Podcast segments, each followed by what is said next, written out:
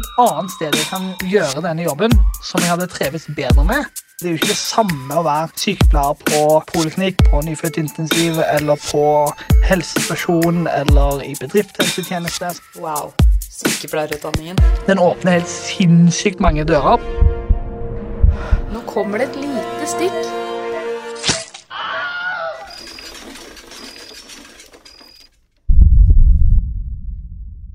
Velkommen til en ny episode av Hjelp, jeg er sykepleier. Ukas episode handler om en videreutdanning innen sykepleie som lenge har vært etterspurt fra poddens publikum, nemlig helsesykepleier. Da jeg skulle invitere gjester til denne episoden, så klarte jeg ikke å spørre én, heller ikke to, men tre flotte og kunnskapsrike, fine mennesker som er ingen ringere enn helsesykepleier Tale Maria Krohn Engvik, bedre kjent som Helsesista, helsesykepleier, eller helsebror om du vil, Per Arthur Andersen, og sist, men ikke minst, helsesykepleierstudent Maria Teigland, bedre kjent som helsesykepleier Maria på Instagram. Velkommen! Takk. Takk, ja. Jeg har juksa litt, så jeg har kalt meg helsesykepleier Maria litt tidlig. Men jeg håper dere tilgir meg for det. Du jobber jo som det, da. Ja, jeg gjør det. Så det er ikke, det er ikke helt eh, hva skal jeg si, ulovlig. Nei, det er godt. Skal vi starte med tre kjappe, da? Hva er egentlig en helsesykepleier? Hvem vil svare på det? Det er jo det som eh, mange kjenner som helsesøster, eh, eller helsebror, som eh, Per Arthur kaller seg. Som Ja. en sykepleier med vid videreutdannelse, rett og slett. I forebygging og helsefremming, kan man Ikke ikke si det sånn? Og hva slags pasientgruppe jobber en helsesykepleier med? Er jo altså, fra de minste til de eldste. Og foreldre og Ja. Mm. Ja, Hva gjør en helsesykepleier? var egentlig det spørsmålet jeg skulle stille. Ja, vi jobber jo ut ifra noe som heter nasjonalfaglige retningslinjer. Og har jo egentlig spesialkompetanse da, på å eh, ja, kartlegge helsebehov og eh, sette inn tiltak som er nødvendig. Hvis jeg skal si det veldig sånn ja. kort og konkret. Så vaksinerer vi, Ja, det gjør vi. og så gir vi råd og veiledning til Mm. barn og unge knyttet til psykisk helse, seksuell helse, prevensjonsveiledning. Så det er hovedsakelig barn og unge mellom 0 og 18 dere jobber med? Ja, eller 0 og 20 kan du jo si. Og så helsestasjon for ungdom har jo opptil 25 flere steder òg, så Mm. Så bra. Det kommer litt an på hvor man Ja, jobber. Det det. Ja, For det var det siste spørsmålet. Hvor jobber helsesykepleiere? Det er jo veldig mange som jobber på helsestasjon for Mm. eh, små barn fra 0 til 5 år. Mm. Eh, og så er det veldig mange som jobber i skolen, i grunnskolen, barneskole, ungdomsskole, videregående, eh, helsestasjon for ungdom, Mm. eh, og også på mottak eh, med flyktninger, asylsøkere. Ja, så litt forskjellige plasser, egentlig. Du kan egentlig jobbe ganske mange steder som Mm. helsesykepleier. Ja. Så det er ikke bare på skole og skolehelsetjeneste? Nei, det er egentlig ikke. Jeg tror du også kan jobbe i bedriftshelsetjenesten hvis du har lyst på en veldig ny utfordring. Mhm. Vaksinekontor har jeg hørt. da. ja. Sånn reisepoliklinikk, kanskje. Mm. Ja. Mange steder å jobbe. Ja. Ok. ehm, jeg har jo tre flotte gjester her, og jeg vet at alle tre har mye man kunne sagt, og så går tida, så jeg må dele det opp på en måte, i tre deler. Men Tale, da tenker jeg at vi, vi starter med deg. Ja. Hvorfor ville du bli helsesykepleier? Eh, jeg visste veldig fort da jeg tok eh, sykepleierutdannelsen at jeg hadde lyst til å jobbe, jobbe med barn. Eh, sånn at jeg gikk rett fra, fra når jeg ble ferdig til å jobbe på barnemedisin på Ullevål sykehus i Oslo. Og det kjente jeg at var veldig riktig, å jobbe med liksom, den pasientgruppa. Jeg jobber med barn og ungdom. Men så hadde jeg lyst til å jobbe enda mer forebyggende. Eh, og ha liksom det fokus på det friske det som jeg vil se mer av. Eh, og så hadde og var jeg også i en sånn alder der jeg drev og planla å få barn og familie og sånn. Og jeg syns turnus eh, var kjempetøft. Og jeg syns også det å være sykepleier på barneavdeling var skikkelig tøft. Eh, mye ansvar og mye stress og press. Eh, så, så, så det var veldig sånn tydelig for meg at helsesøster, som det het da, det var liksom riktige veien for meg. Eh, og det kjente jeg også når jeg, når jeg ble det, at det, det var som hele meg inni meg jubla, liksom. Jeg, hadde, jeg var så glad. Det var drømmejobben, rett og slett. Så bra. Når var det du tok utdanningen og blei helsesykepleier? Jeg tok det deltid over to år her i Oslo, så fra 2008 til 2010. Eh, Og så fikk jeg første barnet mitt i 2010, så da hadde jeg permisjon i sånn ett og et halvt år før jeg begynte å jobbe. Før jeg fikk første liksom, helsesøsterjobben min på en eh, barneskole og en helsestasjon for små barn her i, i Oslo. Mm. Så hvor var det du jobba rett før du på en måte blei helsesista? Da jobba jeg i skolehelsetjenesten i bydel Nordre Aker på fire videregående skoler. Der jeg var alene helsesøster på to skoler, og så var jeg på ek ekstra på en måte på to skoler. Eh, Så, så da var det primært videregående jeg jobba med. Eh, Og hadde, ja, syntes det var veldig, veldig fint. Fire skoler, det er mange, da? Ja. Det er mange elever å ha ansvar for. og Ja, det var litt Ja. sånn uh, helsesista oppsto, at jeg tenkte at jeg kunne bruke Snapchat til å bare fortelle dem hvilke dager jeg var på de ulike skolene, og komme med litt sånn tips og råd, og si fra hvis jeg ikke kom på jobb en dag fordi at det, det var møte eller kurs eller et av barna var syke og sånn. Så, så det var liksom Det var eneste grunnen til at jeg starta Helsesista Snap-kontoen. Fordi du fikk vel merke at elevene kanskje ikke syntes du var til stede nok? Fikk du ikke en lapp på døra Jo, hvor jeg det sto fikk et en lapp eller på annet? døra. Det, sto, det var en dag jeg kom på den skolen der jeg var hele to dager i uka. Der, Oi, der sto det 'helsesøster er der hver gang det er fullmåne', og rektor halter. Ikke sant? Som jeg følte var et ganske sånn Og et eh, lite stikk. Ja, det var et stikk. Det var sånn 'nå er ikke du her, og vi vet ikke når du kommer', og 'du var når jeg trengte det'. Sånn følte den lappen var. Og det var jo ikke jeg som bestemte hvilke dager jeg var på de ulike skolene, og hvor stor stillingsprosent jeg skulle ha de de forskjellige plassene. Eh, Så, så det var en eh, Snapchat var jo en måte å prøve å ja, si fra til dem, da. Og være litt mer til stede på en eller annen måte. Var det her rundt den tiden da Snapchat var ganske nytt og sånn up and coming i sosiale medier? Det var jo i, helt i starten av, eh, av slutten av 2016, starten av 2017. Så Snapchat var nok ganske etablert som eh, den plattforma som flest ungdom brukte. Nå er det jo kanskje TikTok eh, i dag som er Jeg vet ikke om den er enda større, men eh, det, er, det var allerede ganske stort. Men eh, det var vel kanskje på den tida det var Jeg tror det var da Det det var- var, mest brukt blant barn og unge. Ja. Mm. Altså, Jeg har hatt Snapchat så lenge, det har liksom bare alltid vært der. Jeg husker ikke når jeg lasta det ned første gangen. Nei. Jeg tror jeg lasta det ned i 2012. Ja, Så Mm. det er såpass Ja. lenge siden. ja. Ja. Rundt samme det, tid som Men det var nok eh, Det var nok ganske Jeg tror ungdommene hadde Snapchat ganske sånn for seg sjøl første tida. Mm. Det tok nok litt tid før kanskje vi voksne blei med, eller I hvert fall som fagpersoner eh, tok det, tok Mm. det seg tid Mm. før vi virkelig liksom Mm, så du oppretta denne Snapchat-kontoen Helsesista. Hadde du trodd at Helsesista, altså konseptet Helsesista skulle bli så stort? Nei, jeg har ikke det hele tatt. Uh, og det var jo Men, men når, det, når, det, når det først begynte å skje, da, etter noen, bare noen få måneder ute i 2017, og, og jeg skjønte at Eller jeg så at snappen min først spredde seg til andre skoler i Oslo, fordi mine elever fortalte vennene sine om hun den litt rare helsesøstera de hadde på sin skole. så, så da og så spredde det seg til eh, hele landet når jeg begynte å gjøre intervju i media.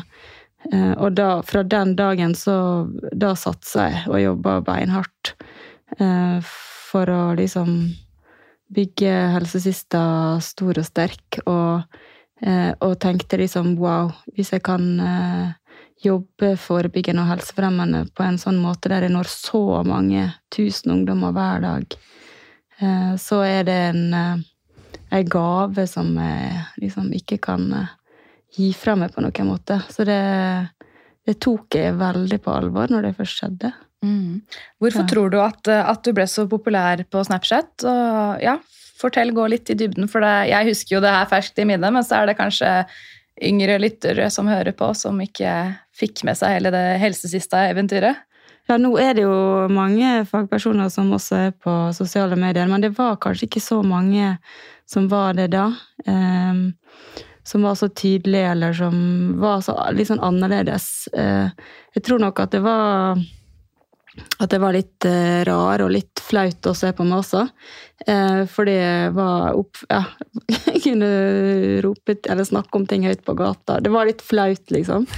Uh, men det var også veldig ærlig og ekte. Eh, og jeg har snakka med, med dem som var ungdommer på den tida, som sa at det var liksom litt friskt. Selv om det var litt flaut, så var det litt friskt at en voksen Eh, kom inn eh, på våre sosiale medier og snakka om ting som vi var opptatt av, og som var viktig for oss, og som var litt tabu og vanskelig å snakke om. Og, ja, de, mange syntes det var fint, i hvert fall. Så ja, for jeg, jeg, begynte jo å følge deg da, da gikk jeg vel jeg siste året på sykepleien. Jeg bare tenkte, åh, hun der hadde jeg trengt da jeg var ungdom. Og jeg husker du bare sa ting så rett ut. Du sa pikk og fitte og hår under armene, og det var på en måte ikke noe sperrer. da. Jeg tenkte, dæven, det der, det liker jeg. Det vil jeg se mer av. Men ja. eh, hvordan blei du tatt imot i offentligheten? Altså Tydeligvis ungdommene likte deg, men hva med på en måte fagmiljøet og media? Altså det, var, det, viktigste for meg var, eh, er på en måte mine hovedpersoner. Alltid. Og, og da jeg starta, var det veld, var den veldig sånn tydelig ungdommene. Særlig sånn slutten av tenåra var på en måte dem som jeg virkelig brant for. da. Og så, så lenge på en måte at de lytta og, og opplevde at, at ting jeg sa eh, var viktig, eh, og gjorde en forskjell for dem, så var det da var det det viktigste for meg. Da brydde ikke meg så mye om hva voksne måtte tenke og mene. Og, og hva voksne tenker og mener om meg, eller hva, hva folk mener om meg, det er jo like ulikt som antall mennesker. For det fins jo ingen objektiv sannhet om en person, om, og heller ikke om meg. Sånn at spør du ulike personer, så vil du få helt forskjellige svar til Hun er sånn eh, dame på snart 40 som tror hun er så kul og eh, flåsete, liksom, til at eh, nei, hun er liksom en engel sant, fra himmelen. Liksom, det, det, er på en måte så store kontraster i hva folk mener om meg. Eh, men det, sånn er det bare. Når man stikker hodet sitt frem, så må man også regne med at ikke alle forstår, og man må regne med å få kritikk. og, eh, og det, sånn er det bare for alle, da. Mm. Jeg tror kanskje ikke at uh, offentligheten var så vant til at uh, voksne fagpersoner kunne være på sosiale medier og snakke ungdommens språk. Da. At det var litt sånn friskt pust, og hver gang det er noe nytt, så er det alltid noen som skal ja, kommentere det mm. på negativt vis. Da. Ja. Men jeg føler jo at du har blitt en sånn pioner da, til at fagpersoner kan være på sosiale medier og spre kunnskap. Fordi jeg regner jo med det var det du brukte Snapchat til. Spre kunnskap, svare på spørsmål. Ja, det var liksom det viktigste. Å, å, å, spre den kunnskapen, og også, ikke bare kunnskap, men også glede og, og kjærlighet og liksom kraft til å våge å være, som er mitt slagord. Eh, og også inspirasjon. Eh, og det å være på en måte sånn Jeg tenker det aller, aller viktigste er jo de mennesker som er der ute, som er på helsestasjonen, sånn som Per Arthur, eller på, på skolene, og liksom eh, Og som er fysisk til stede der barn og unge, eller dem som er hovedpersoner for arbeidet ditt. Er, det er jo dere som er der, som er de aller, aller viktigste, som har muligheten til å virkelig gjøre en forskjell. Eh, så, så, jeg har tenkt at jeg hadde lyst til å bare være en sånn supplement eller trampolina inn. At jeg kan være den som kan uh, vise om alt man kan snakke med en helsesykepleier om. Alt fra hva som skjer, eh, hvordan man har det inni seg i tanker og følelser, til ting som skjer hjemme, på skolen, på fritid. Altså, det fins ingen begrensninger på hva man Jeg har sagt at det ja, Hvis ikke spør meg om litt sånn komplisert matstykke, da får dere ikke så gode svar tilbake. Men eh, det er bare å spørre meg allikevel, så kan vi ta en prat om, eh, om min selvtillit i matte, liksom. At det, ja. Men eh, at det, det, går an å snakke med oss om alt, da. Mm. Eh, og, og, også vise Lose dem litt eh, videre til eh, andre chattetjenester som fins. som har kanskje spesiell kunnskap innenfor psykisk helse, eller hvis det er rus i familien, eller hvis det er snakk om spiseforstyrrelser eller selvmordstanker, så er det eller liksom kanskje seksualitet eller identitet, og så er det, det er forskjellige chatter de kan eh, henvende seg til, eller de kan, hvis de syns det er vanskelig å gå og snakke med sine gode voksenpersoner rundt seg. Så, så det å være en sånn eh, et tillegg, eh, å være en lagspiller for mine kollegaer som er i så mange forskjellige egentlig profesjoner, da, men som har, som har barn og unge som som sine hovedpersoner. Det å, har vært mitt ønske, da. Å være en eh, å være liksom en som er med å bidra Mm. til å gjøre, gjøre det bedre. I liksom samarbeid med alle, men på min måte. Og det tror jeg du absolutt har fått til. Men når du starta denne Snapchaten, opplevde du at elevene hadde på en måte lavere terskel for å spørre deg om ting og kontakte deg, siden det var over eh, Snapchat, at man ikke måtte da møte opp fysisk de få dagene du var tilgjengelig? Ble det lettere? Ja, jeg, jeg, jeg merka faktisk veldig fort en kjempestor forskjell. Uh, og jeg skjønte særlig, eller jeg så særlig forskjell i, i forhold til guttene, på, som var mine elever da.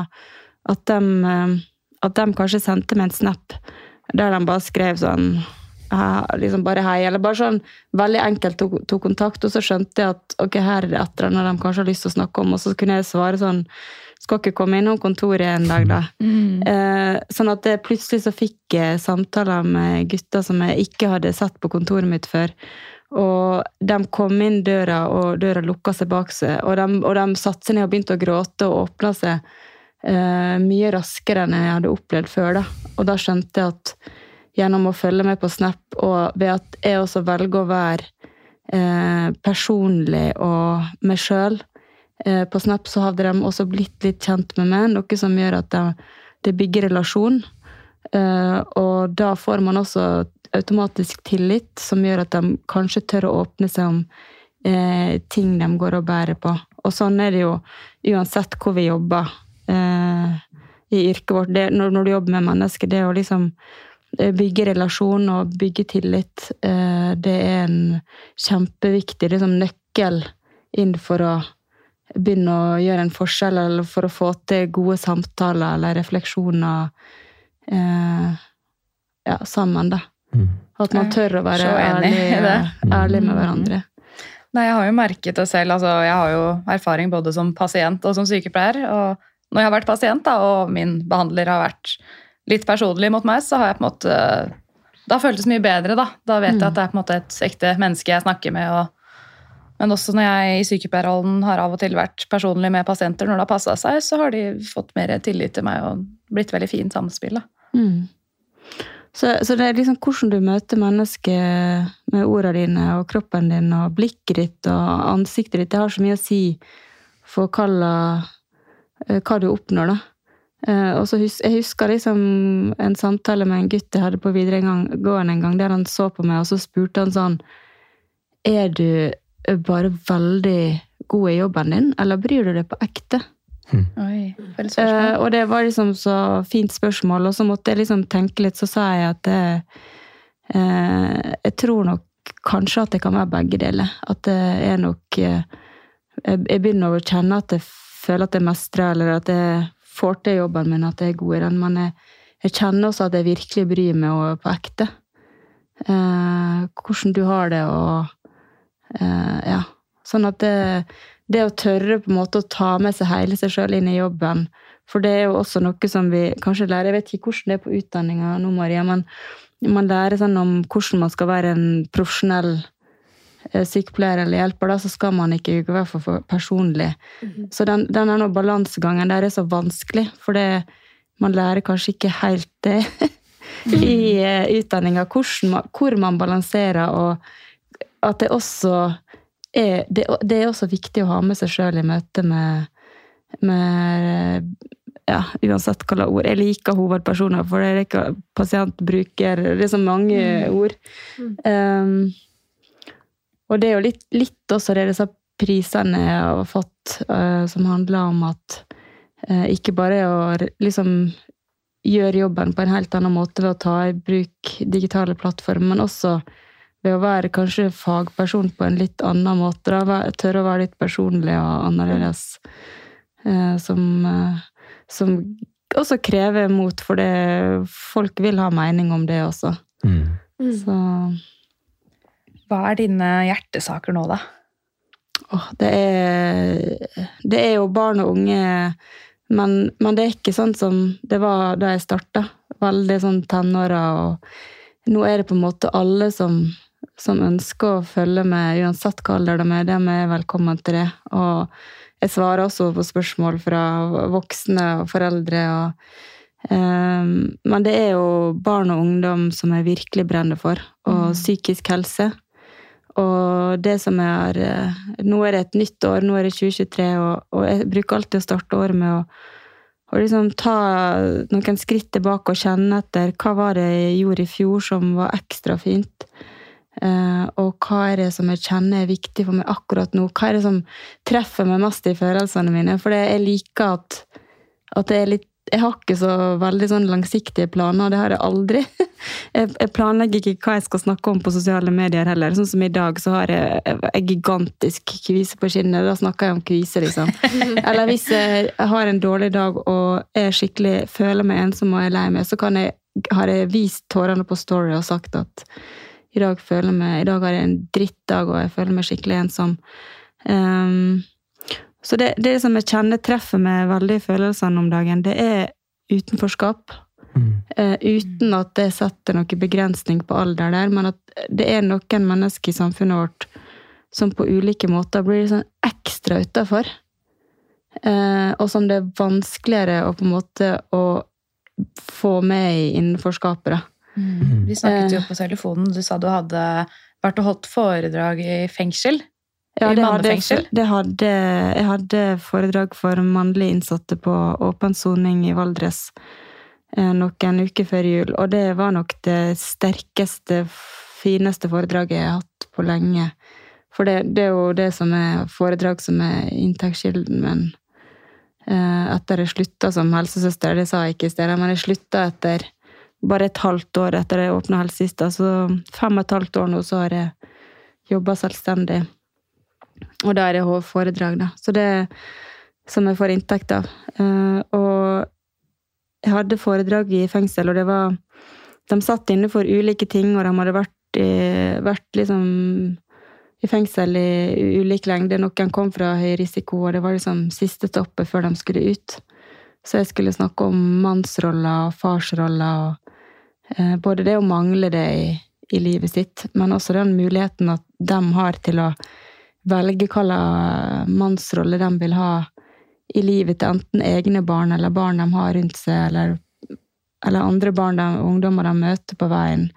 At de har muligheten til å kaste den steinen som lager noen ringer, som gjør en forskjell, og være kanskje den mannspersonen som de sjøl savner. Jeg må bare spørre, Hvordan tok de det imot når du som kvinne kommer og snakker om mannsrolle? De tok det veldig fint imot. Jeg åpna faktisk foredraget med å vise dem litt sånn piggtre og Så det var sånn Hun, hun til fengselsbibliotekaren og sykepleieren bare sånn 'Du er jammen modig, så kommer inn her.' og, skal, og begynner å åpne liksom foredraget til disse guttene her med, med akkurat det. Men det var liksom litt humor i starten, så de ble litt kjent med meg.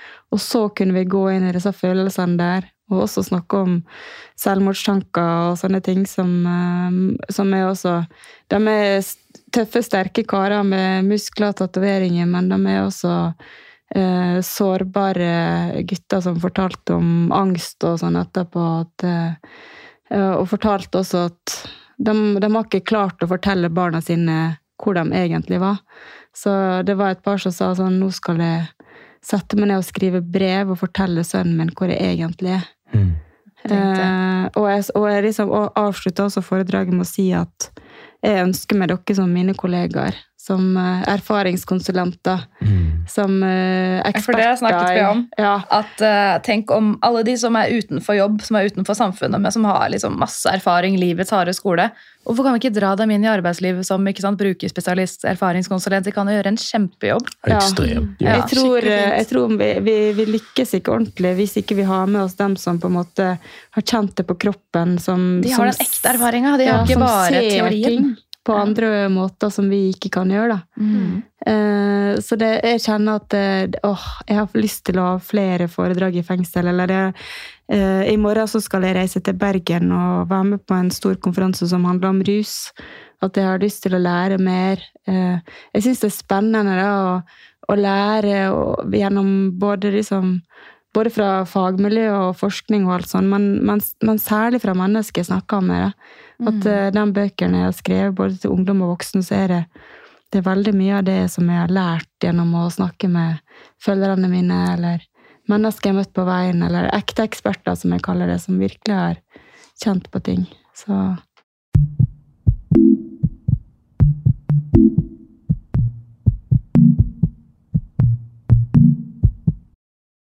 Ja, det er kjempefint å høre alt og tale. Du er et stort forbilde for mange. Mm. Eh, Men nå tenker jeg vi var litt inne på dette med menn, Ja. så da vrir jeg hodet mitt over til mannen i studio her. Hei, Per Arthur! Hallo. Ja.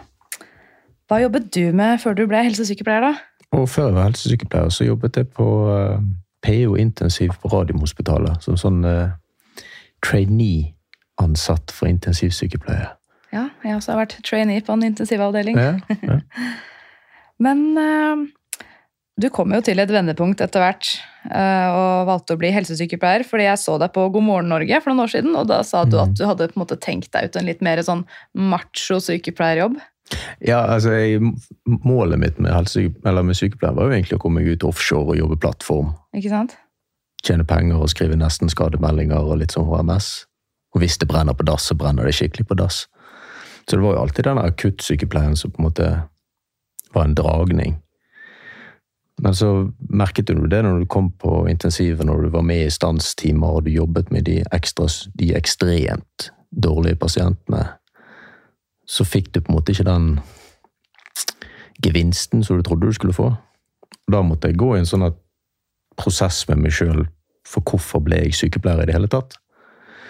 Og jeg ble sykepleier for jeg jobbet som portør på Haukeland sykehus i Bergen. Og jeg elsket den jobben fordi at du kunne snakke med folk. At Du kunne bruke humor til de som lå på med kreftsykdom, og du kunne få barn til å le på vei til røntgen. Du kunne bruke så mye av deg sjøl.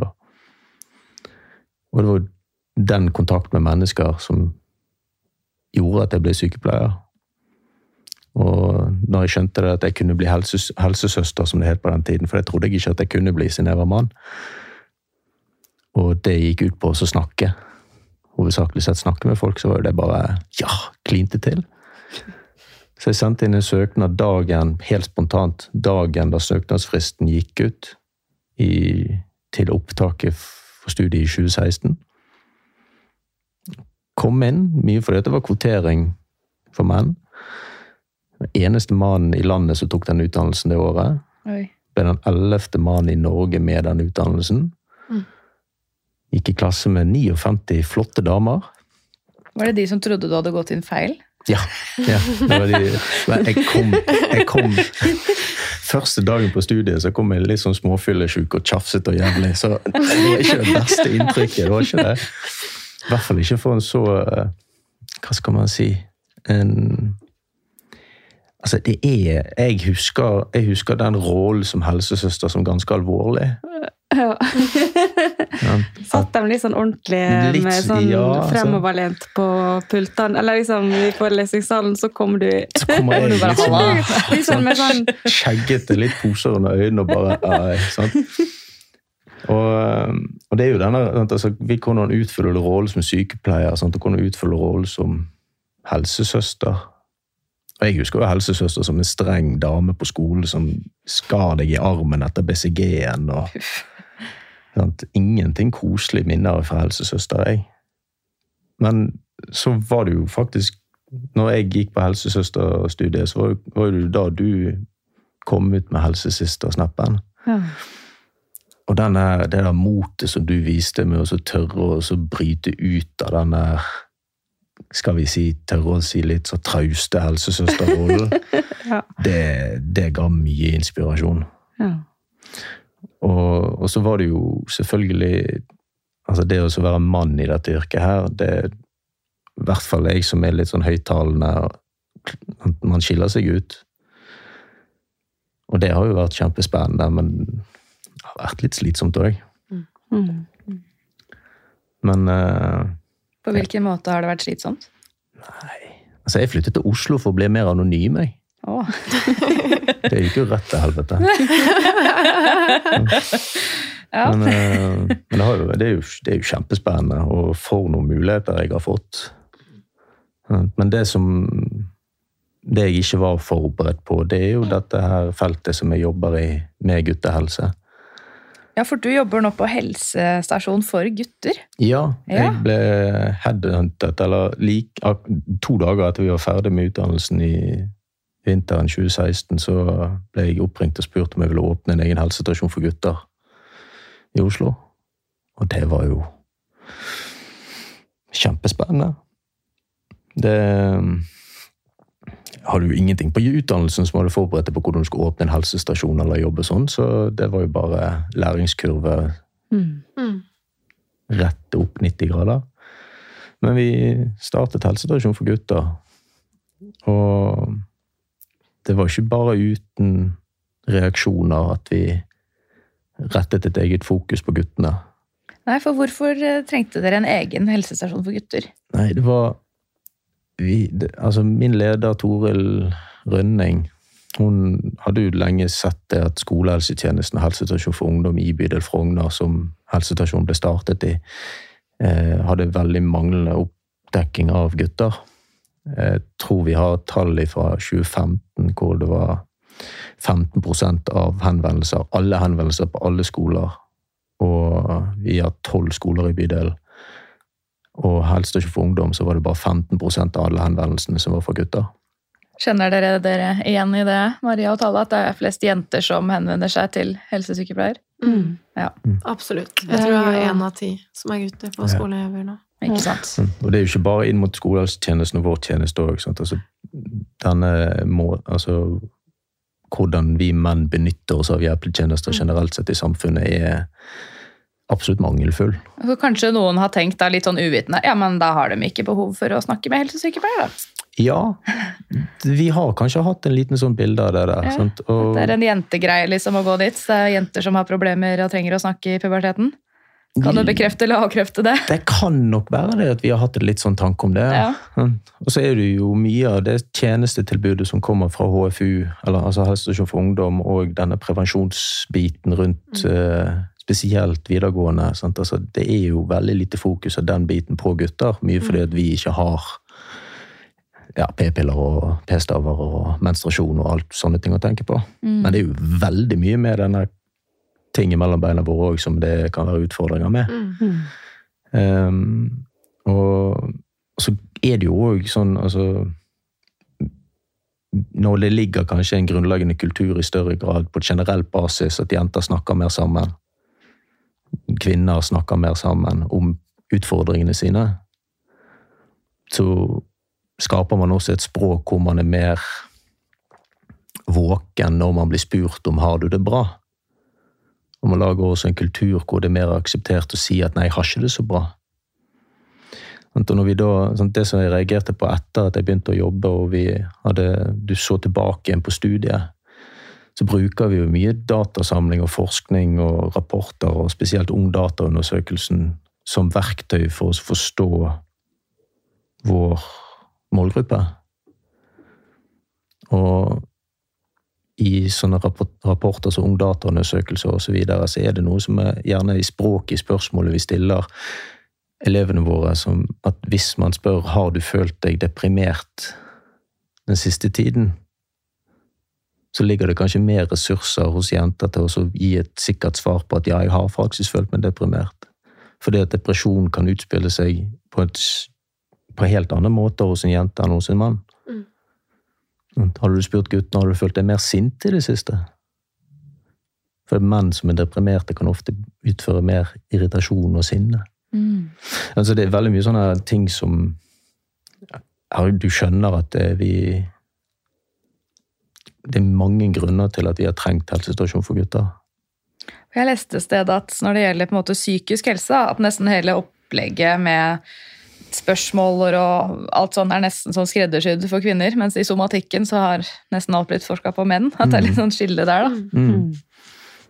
Og så ser jeg, jeg syns jo det er veldig sånn Det bildet med at Eller det, hvor mange menn er det som tar livet sitt hvert år i Norge? Mm. Eh, og økende alt, antall også unge. Mm. Eh, sånn at det å vise jo på en måte hvor hvordan vi har feila med å kanskje lære gutter og menn at det å være tøff og sterk, det å holde det inni seg og deale med det sjøl, mens det som egentlig krever utrolig mye mot og styrke, det er jo nettopp å kanskje åpne opp og, og si hvordan du egentlig har det, og kanskje til og med be om hjelp. Og det er en, der ligger det mye skam, da. som, eh, Ekstremt mye. Ja. Mm. Og eh, det ligger jo fortsatt en sånn kultur i, i vårt samfunn at denne her gutta skal ikke gråte, Ja. ta det som en mann. Altså, de Det står veldig sterkt fortsatt i, i samfunnet i dag. Selv om vi har kommet enda så langt med likestilling og alt dette her, så er vi fortsatt ganske tilbake igjen på eh, kjønnsrollen i 1950-tallet. Ja. Men jeg tror jo òg altså Jeg er helt med på at, vi må tørre å utvide den kjønnsrollen det er å være mann. At vi, fordi at det å definere seg som mann er en veldig snever definisjon. Og at vi må tørre å utfordre oss menn til å tørre å utvide den. Men det ligger også en grad av at hvis vi skal forvente at organismen skal tørre å være mer sårbar, så må vi også gjøre miljøet mer Vi må gjøre det mer trygt å være sårbart i miljøet. Mm. Og der har vi fortsatt veldig mye å hente. For hvis vi skal se på forebygging av selvmord blant menn, så må vi gjerne også se på hvordan vi ivaretar fedre i forhold til farskapsforhold, skilsmisseforhold, økonomisk bistand, skole, skoletilpasning. Sant? For alle de tingene, hvis man en av hovedårsakene, altså de gjerne kriteriene som gjør at veldig mange menn velger å avslutte livet sitt når det ikke ligger basis for en psykisk sykdom, så er det ensomhet, tap av familie, tap av eh, rikdom og eh, eh, tap av samboerskap. Mm. Og kanskje jobb, eller ja. Jobb og disse tingene. sant? Ofte tap, da. Og skam, liksom. Så, Ja, ja. ja. Så det er jo sånn som når du var i, når du var i eh, fengsel og snakket med dette her med styrken, altså tryggheten i farskapsrollen. Mm. Og det er jo ingenting som har mer å si for å forebygge utenforskap, kriminalitet, rus osv. blant unge, til at vi sørger for at de har velfungerende foreldre til stede, og spesielt fedre. Mm. All forskning tyder på det. ja. Så det er veldig mange vei, veier til å forbedre situasjonene. Eller det å være en sånn god Sånn som du kan jo også være et, en sånn god mannsrolle å møte. Eh, Enten som en fagperson, eller om det er en lærer, eller en eh, barne- og ungdomsarbeider eller miljøarbeider, eller en som eh, eller en trener, eller en Mm. person som ikke nødvendigvis er foreldre, men som på en måte kan ta den rolla og, Mm. og vise dem eh, det, er, det, det, det virker det som er veldig viktig for gutter, Det er det. Vi trenger jo noen å se opp til. Ja. Mm. De guttene som oppsøker deg, eh, Mm. setter de pris på at de kan få snakke med en mann? Ja. Ja. Er det bare menn som jobber der? Nei, nå har vi faktisk ansatt en uh, helsesykepleier eh, som heter Hilde. Ja. Og det går strålende, det. Det altså, vi startet helsestasjonen med gutter med den gimmicken at det var en helsestasjon for gutter av gutter. For vi klarte å samle både en mannlig psykolog og en mannlig lege. Så det var meg og to Henriker som startet. Og vi startet jo også med en sånn, for, eh, sånn tanke om at For jeg drev jo mye sånne undersøkelser og sånn for hva det gutter vil ha av en egen helsestasjon. Og mesteparten av fokuset der var jo altså det å kunne teste seg for kjønnssykdommer uten å sitte på en benk og føle seg moralisert på at man ikke brukte kondom. Mm. Fort inn, fort ut. Så vi så jo for oss det kom til å være veldig mye sviende peniser. Eller pikker, om du vil. Talespråk? Ja. Jeg, jeg, jeg, jeg- når jeg var liten, så var det dingeling. Det var det mamma lærte. Så bare sa til brødrene mine 'Har du ikke vaska dinglingen?' Så, ja. Men det som kom mest av alt, det var psykisk helsetematikk. Mm. Og tøffe gutter som kommer inn og begynner å tørre å åpne seg om utfordringer. Eh, De, eh, helt vanlige gutter òg som tør og så kommer og snakke snakker om ting som de aldri har snakket med noen om før. Ja, For det var det neste jeg skulle spørre deg om. Hva, hva er det de oppsøker deg for? Alt mulig. Alt mulig. Alt mulig. Sånn, det er der vi, altså, en ting er at vi kanskje at vi, Jeg jobber med guttehelse, men altså, hva er guttehelse? Altså, et rent gutteproblem, det er ting som biologisk sett knytter gutt til en gutt. Pikk. pikk. Altså vridde testikler, hovne testikler, prostataproblemer, trang forhud, ereksjonstematikk osv. Altså, det jobber jeg med da, på urologen, blant det, annet. Ja. det, det er et stort felt, det, altså. Sant? Eh, og så kan man, men så når du beveger deg over i dette psykisk helse-temaet, og hva er psykisk helse? Psykisk helse det er tanker og følelser. Sant? Det er livet ditt. Det er hvordan, hvordan vi forholder oss til at vi sitter i dette rommet her og prater med hverandre, hvilken rolle vi skal utfylle. Sånn, Sånn er det alle rollene vi har ellers i samfunnet òg. Og da handler det ikke om om man er gutt eller jente. Det handler egentlig bare mest om hvordan du som individ håndterer det som skjer. Og hvordan du som individ tolker at du kan reagere på det som du opplever. Sant? Så jeg har gutter som kommer til meg som har vært utsatt for seksuell trakassering, voldtekt, opplever kroppspress, spiseforstyrrelser, eh, kjærlighetssorg. Alle disse tingene som vi kanskje sånn i deler altså i store deler av samfunnet tenker at det er jenteutfordringer. Det ligger ingenting skjønn i de psykiske helseutfordringene vi møter. Det eneste som gjerne skaper en, skaper en ulik eh, opplevelse av det, det er at hvis jeg som mann sliter med mitt selvbilde, så har jeg en annen måte å kunne uttrykke det på enn hvis man er kvinne.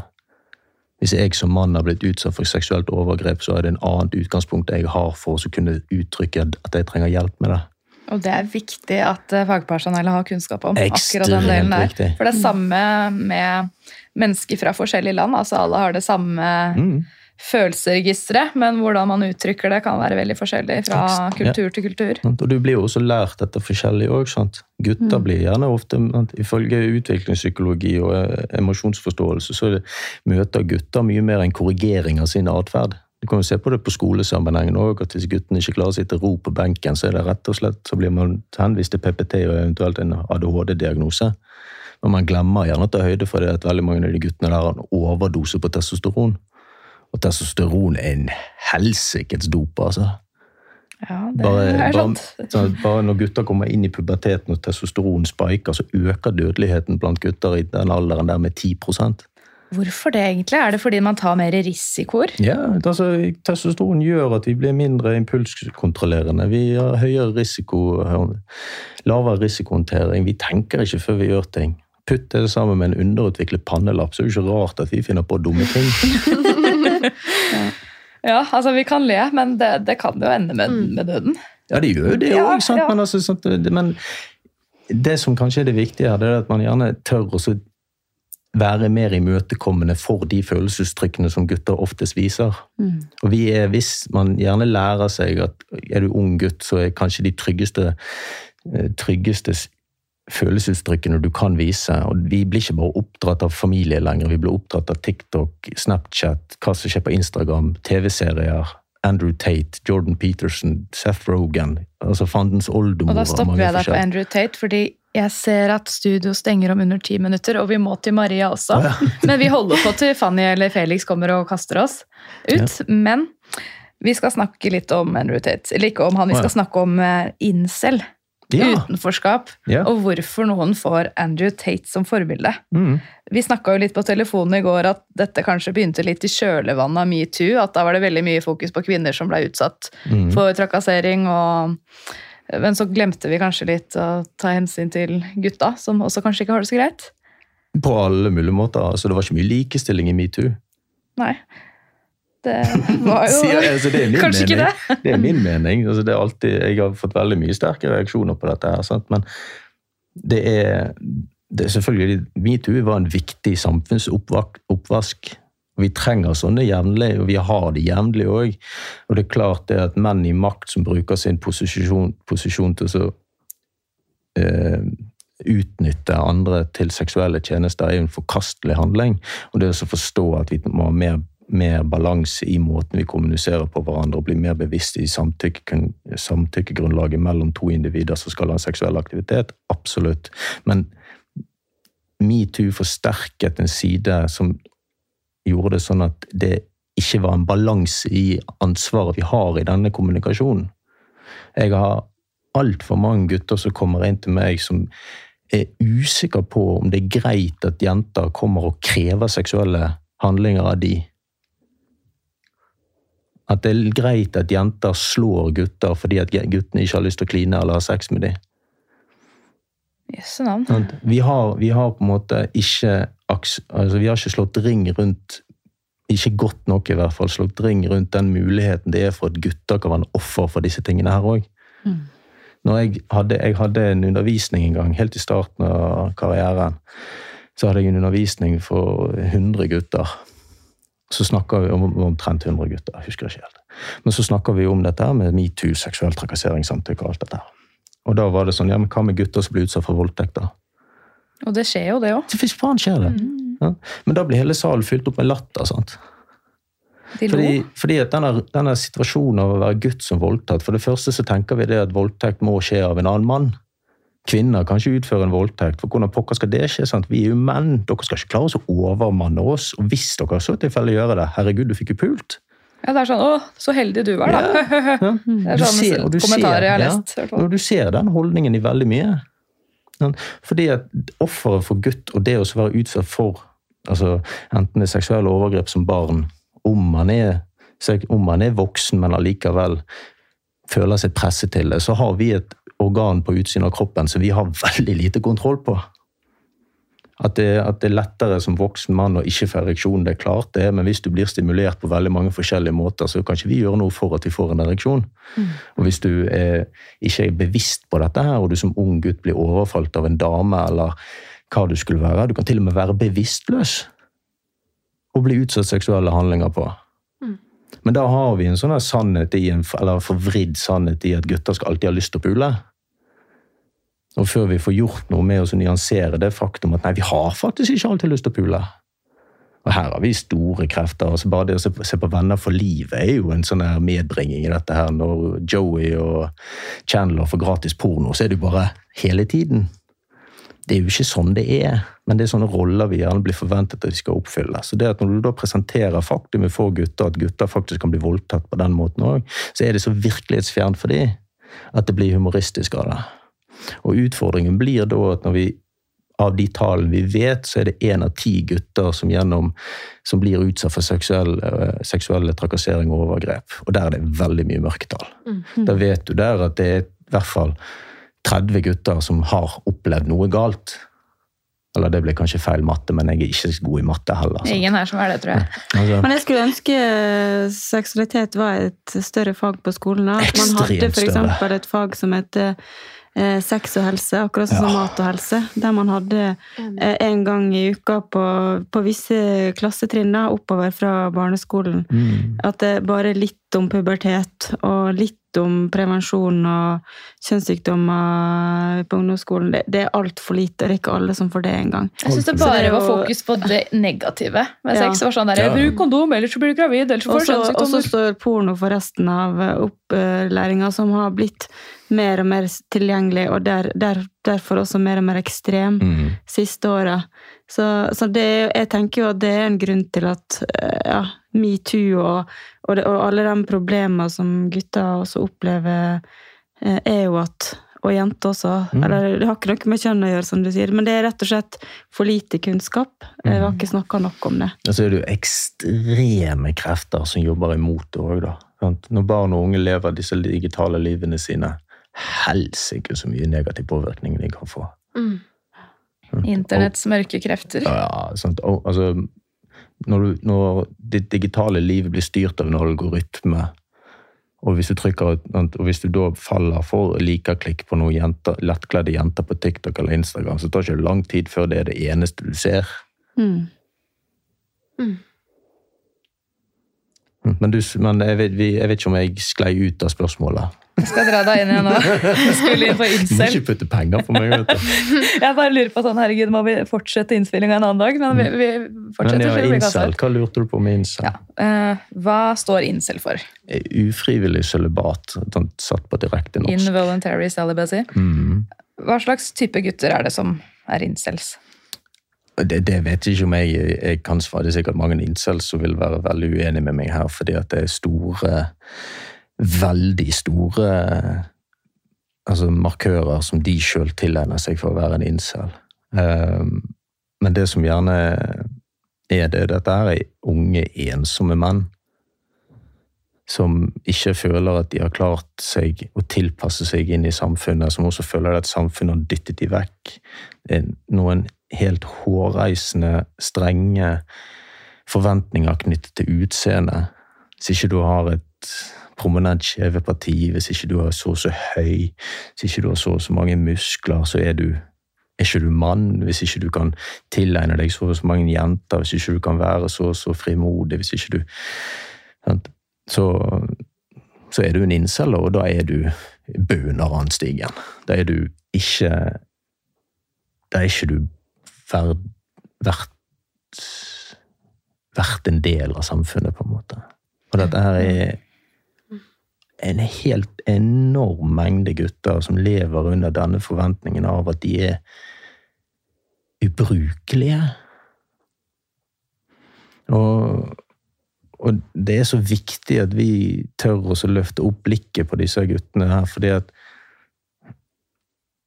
det er altfor mange som får lov Som blir puttet inn i en sånn liv av ensomhet, der de sitter i et ekkokammer og Promperommet, er ikke det Ja, de sier på trygdekontoret? og, virk, sant, og virkelig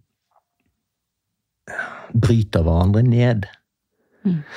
Og så har vi det vi har sett, det vi har gjerne lagt fokus på hos disse her, det er risikomomentene rundt dette her. sant? For du har jo sånne, eh, sånne dessverre ekstreme reaksjoner som Manshaus, Breivik, skytingen i Christchurch i New Zealand, noen greier i Canada, sant? skoleskytinger osv. Der dette er personer som har falt inn under denne ekstreme gruppen av incels, da.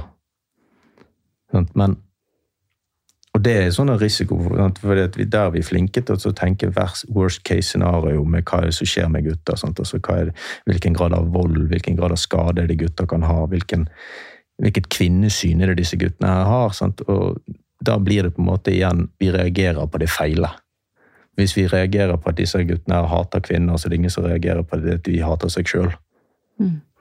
Og jeg jeg, jeg bare får en sånn utrolig sånn vond en, ensomhetsfølelse Mm. når du snakker. Og bare tenker sånn Apropos eh, disse her guttene i utenforskap som jeg snakka om, Mm. som, eh, som, kan, eh, som er det er så mange grunner til at de eh, havner der. Men det er så utrolig Det å føle seg helt alene i verden, og den der noe ubrukelige følelsen er forferdelig vond. Hvis man virkelig liksom prøver å kjenne litt på den.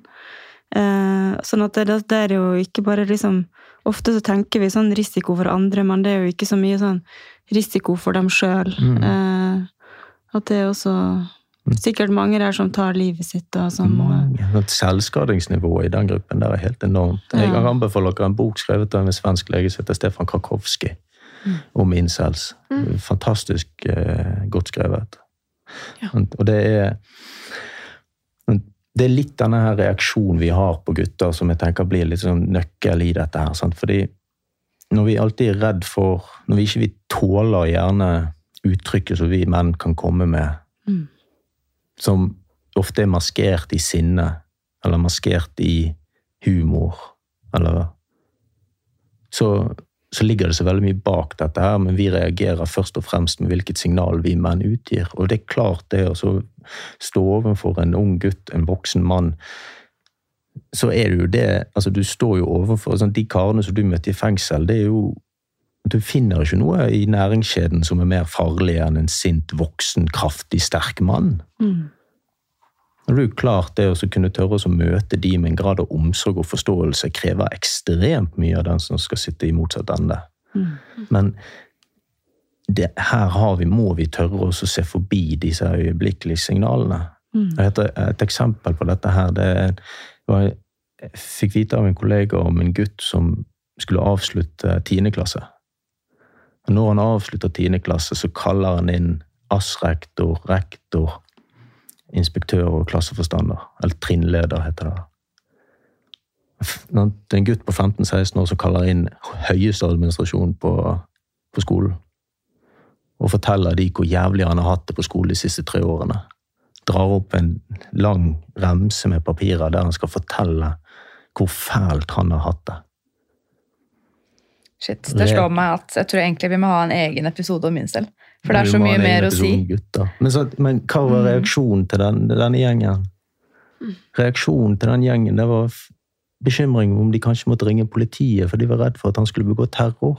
Mm, Så fokuset var der i stedet for hvordan kan vi hjelpe denne personen som tydeligvis ikke har det godt. Reaksjonen var det at istedenfor å så faktisk se hva som ligger bak dette her Tror du en 15 år gammel gutt sitter i ro når han skal møte de han eh, har hatt mest eh, Hvor mange ganger tror ikke du den gutten har stått i dusjen og, og mannet seg opp for dette her? Det Jeg fikk et spørsmål på. Snap av en gutt på 13 år for eh, noen dager siden, uh, der han spurte om hjelp til sine problemer sine. Mm. Uh, og, så, og da er det liksom det å Og så sa jeg til han at følelser er ofte ikke noe vi skal fikse, men Mm. noe vi skal forstå og akseptere. Så hva er det som lager det sinnet? Kan det være en følelse bak det sinnet? Mm. Noe du kanskje egentlig er lei deg for? Hvis du prøver liksom å liksom finne ut av hva er det som kommer? Kommer det en følelse før sinnet? Kan det være noe Er det noe du savner, eller? Mm. Eh, så da var det liksom at foreldre kjefta mye. Eh, og han fikk til å og så, så sette seg ned og prate med foreldre og, Mm. og si litt hva han trengte. Eh, og at han også løy fordi han var redd for å få kjeft, og så Mm. var mye sint. Så det å liksom få snakka om det, da. Mm. Og jeg har ikke tall på alle de guttene som har kommet, blitt sendt på bestilling til meg for Ja. å få kontroll på sinnet sitt. Ja. Og så er det liksom ja, men 'Hvorfor er du sint?' da? Men, Sånn. det, men det er viktige følelser. Jeg tenker Visst sånn er det det! Det er noe som eh, Det, det er et eller annet, sant? Man Mm. prøver, at sinnet prøver å fortelle oss noe. Ja, det ligger Så ligger det å være litt makt det. nysgjerrig på det sinnet, da, og ikke, ikke tenke at det er noe vi skal kontrollere og temme, og, så, og, og noe vi frykter, kanskje. Mm. Nettopp fordi at vi ser at om noen år så er du en sånn stor, sterk mann som er kanskje den som du sier er farligst av alle. Mm. um, men da må vi snakke med guttene våre. Så, og liksom, følelser er ikke farlige, i hvert fall ikke å snakke om dem. Mm. Det er en del av Og oss. nå må vi egentlig videre til Maria, fordi klokka er eh, ja, seks over fem. Studio er egentlig stengt. Litt dårlig Det planlagt fra min side, kanskje. er tematikk, og viktig tematikk. Eh, Jeg kjenner at jeg trenger å lære mer om det, så jeg skal absolutt eh, sjekke ut den boka du Ja, anbefalte. gjør det. Gjør det. Ja, da skjedde jo det som jeg frykta kunne skje, og det er at vi blei altfor ivrige inne i studio og brukte altfor lang tid, så da deler jeg opp episoden i to deler. Du har nå hørt del én av Helsesykepleierne. Del to får du høre om akkurat en uke, og da får du også høre mye mer fra helsesykepleierstudent Maria. Har du et enkeltpersonforetak eller en liten bedrift? Da er du sikkert lei av å høre meg snakke om hvor enkelt det er med kvitteringer og bilag i fiken, så vi eh, gir oss her, vi. Fordi vi liker enkelt. Fiken superenkelt regnskap.